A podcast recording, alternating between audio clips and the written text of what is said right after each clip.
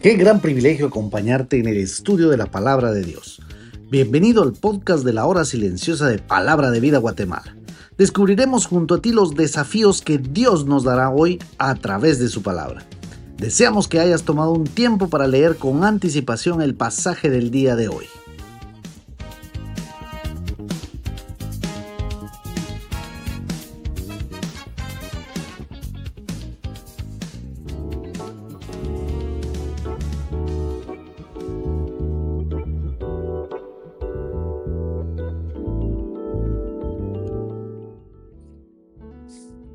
Hola, ¿cómo estás?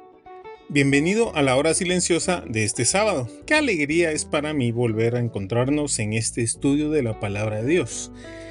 Estamos en el último capítulo de Ruth. Qué historia más emocionante. Porque la historia de Ruth y Boaz es una historia de amor. También es una historia de redención. Es una imagen de lo que Dios ha hecho por nosotros. En este último capítulo se menciona varias veces la palabra redención y básicamente este es el mensaje del Evangelio. Leamos la porción bíblica que nos corresponde para hoy. Ruth 4 del 13 al 20. Boaz pues tomó a Ruth y ella fue su mujer y se llegó a ella y Jehová le dio que concibiese y diese a luz un hijo. Y las mujeres decían a Noemí, Loado sea Jehová, que hizo que no te faltase hoy pariente, cuyo nombre será celebrado en Israel, el cual será restaurador de tu alma y sustentará tu vejez.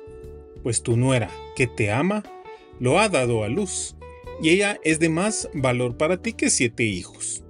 Y tomando Noemí el hijo, lo puso en su regazo y fue su haya.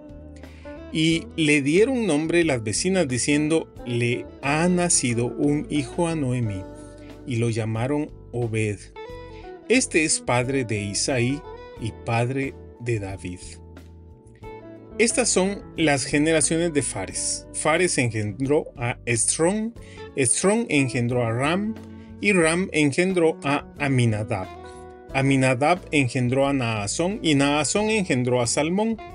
Salmón engendró a Booz y Booz engendró a Obed. Obed engendró a Isaí e Isaí engendró a David. Y aquí llegamos al final feliz que todos esperábamos.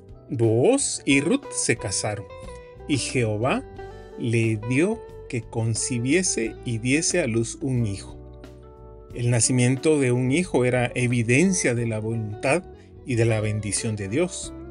Noemí ahora era celebrada en Israel y ella misma pudo ser su haya, es decir, la encargada de educar a su propio nieto. Esta mujer que al principio del libro se queda sin nada y decide cambiar su nombre por la amargura que según ella Dios le había hecho vivir, ahora inicia una vida nueva, se ha reconciliado con Dios, ha vuelto al lugar donde debería de estar ya no está con las manos vacías, ahora hay esperanza y hay un futuro glorioso. No podemos culpar a Noemí. Al igual que ella, muchas veces nosotros culpamos a Dios por lo mal que nos va y no entendemos que es el resultado de malas decisiones que tomamos. Esta es una muestra de lo que Dios puede hacer a través de una persona que se reconcilia con Él. Noemí aprendió que el plan de Dios es perfecto a pesar de que no entendamos lo que Dios está haciendo en medio de nosotros y nos veamos sin salida. Tienes que saber que su plan sigue a pesar de nosotros. Dios sabe lo que está haciendo. En Romanos 8:28 Pablo dice, y sabemos que a los que aman a Dios todas las cosas les ayudan a bien, esto es, a los que conforme a su propósito son llamados. El hijo de Ruth y Boaz se llamó Obed, quien tuvo un hijo al que llamó Isaí, y luego Isaí tuvo un hijo que llamó David, y David tuvo un descendiente llamado Jesús. Por eso Jesús nació en Belén, pues José y María tuvieron que empadronarse en la ciudad de sus padres, es decir, Belén. Esto nos demuestra que la mano de Dios está en toda la historia Dios tiene un propósito para todo lo que hace. Esta historia es una ilustración del pariente redentor. Ilustra que Jesús es nuestro pariente redentor, pues cumplió con los requisitos legales. Veamos en qué consisten. En primer lugar, el Redentor tenía que ser un pariente cercano, por eso Jesús nació de una virgen, se despojó de su deidad y se hizo uno de nosotros. En Gálatas 4, 4 y 5 dice, pero cuando vino el cumplimiento del tiempo, Dios envió a su Hijo, nacido de mujer y nacido bajo la ley, para que redimiese a los que estaban bajo la ley, a fin de que recibiésemos la adopción de hijos. En segundo lugar, el pariente redentor tendría que estar dispuesto a redimir, es decir, no se preocupó de sus propios intereses. Así como vos, Jesucristo actuó por amor.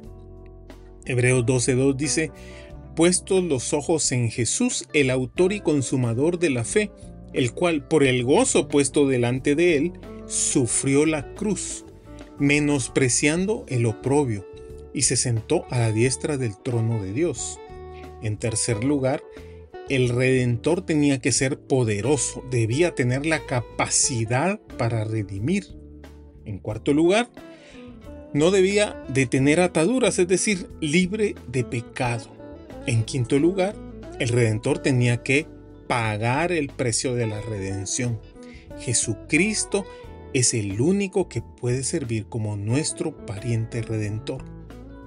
El libro de Ruth nos cuenta la mejor historia que pudo haber sido contada. Nos revela la redención como una historia de amor. Fue el amor de Jesucristo, nuestro pariente redentor, quien al vernos perdidos en nuestros delitos y pecados, se ofreció a pagar con su preciosa sangre derramada en la cruz el precio de nuestra liberación.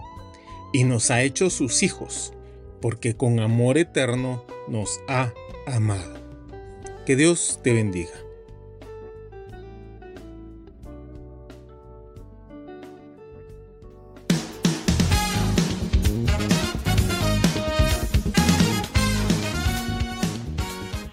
Es emocionante saber los tesoros que Dios tiene en su palabra para nosotros.